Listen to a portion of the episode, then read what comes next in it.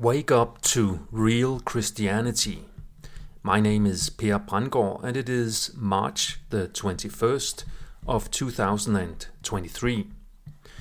As you may or may not know, I consider myself a follower of Jesus Christ. But what does that actually mean?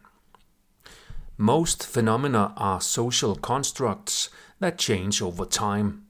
That includes religion.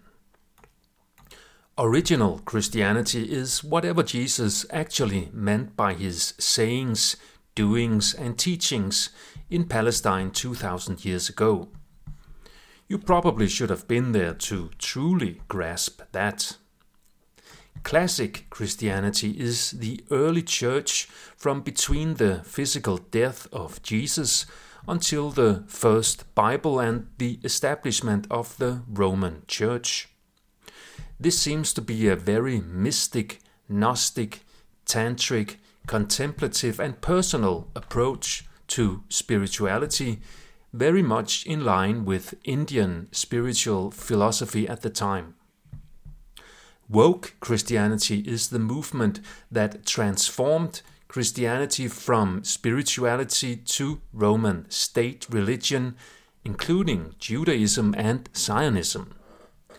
It can be argued that Christianity since then has been operating as a vehicle for the global Roman Empire through Christian Zionism and as a Trojan horse for Judaism, branding Jews as God's chosen people.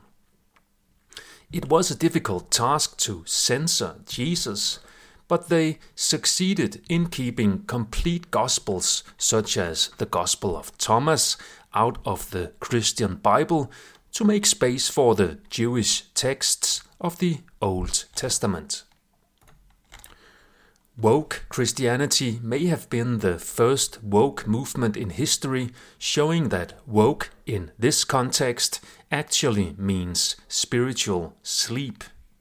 It probably still does today in other contexts. Contemporary Christianity, including Protestantism, is still very much based on the Bible and very little on direct spiritual insight and political activism with Jesus as the role model. In my opinion, the humans of the world desperately need to reawaken to the original and classic Christianity or any other spirituality that points to the same truths. This includes contemplation on Jesus Christ as the true light and political activism in the real world against deception, oppression, and injustice.